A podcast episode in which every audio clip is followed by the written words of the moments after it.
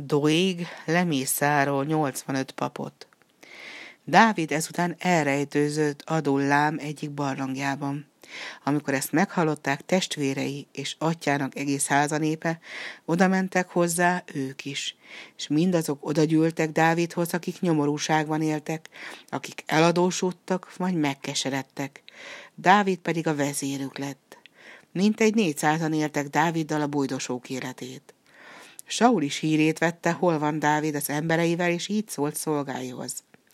Isai fia talán szántó földeket és szőlőhegyeket fog nektek adni?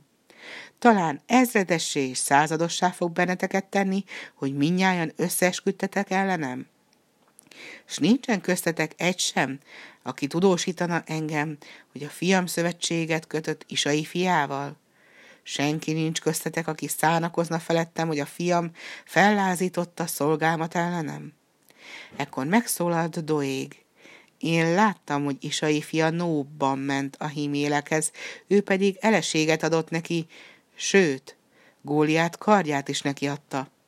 Saul azonnal magához hívatta a himéleket egész háza népével, és Nób minden papjával együtt, és ezt kérdezte. Miért ütöttetek pártot ellenem, te is, az isai fia, hogy kenyeret és kardot adtál neki? A hímélek pedig így felelt. Van-e Dávidnál hűségesebb szolgád, aki a király veje és tisztelt ember a házadban?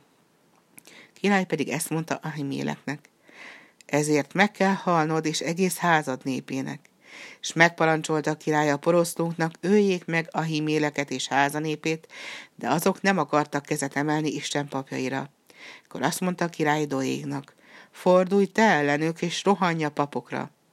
Az meg is tette, 85 papot ölt meg, és azon a napon még Nóbot, a papok városát is elpusztította, kardére hány minden férfit, asszonyt, gyermeket és jószágot.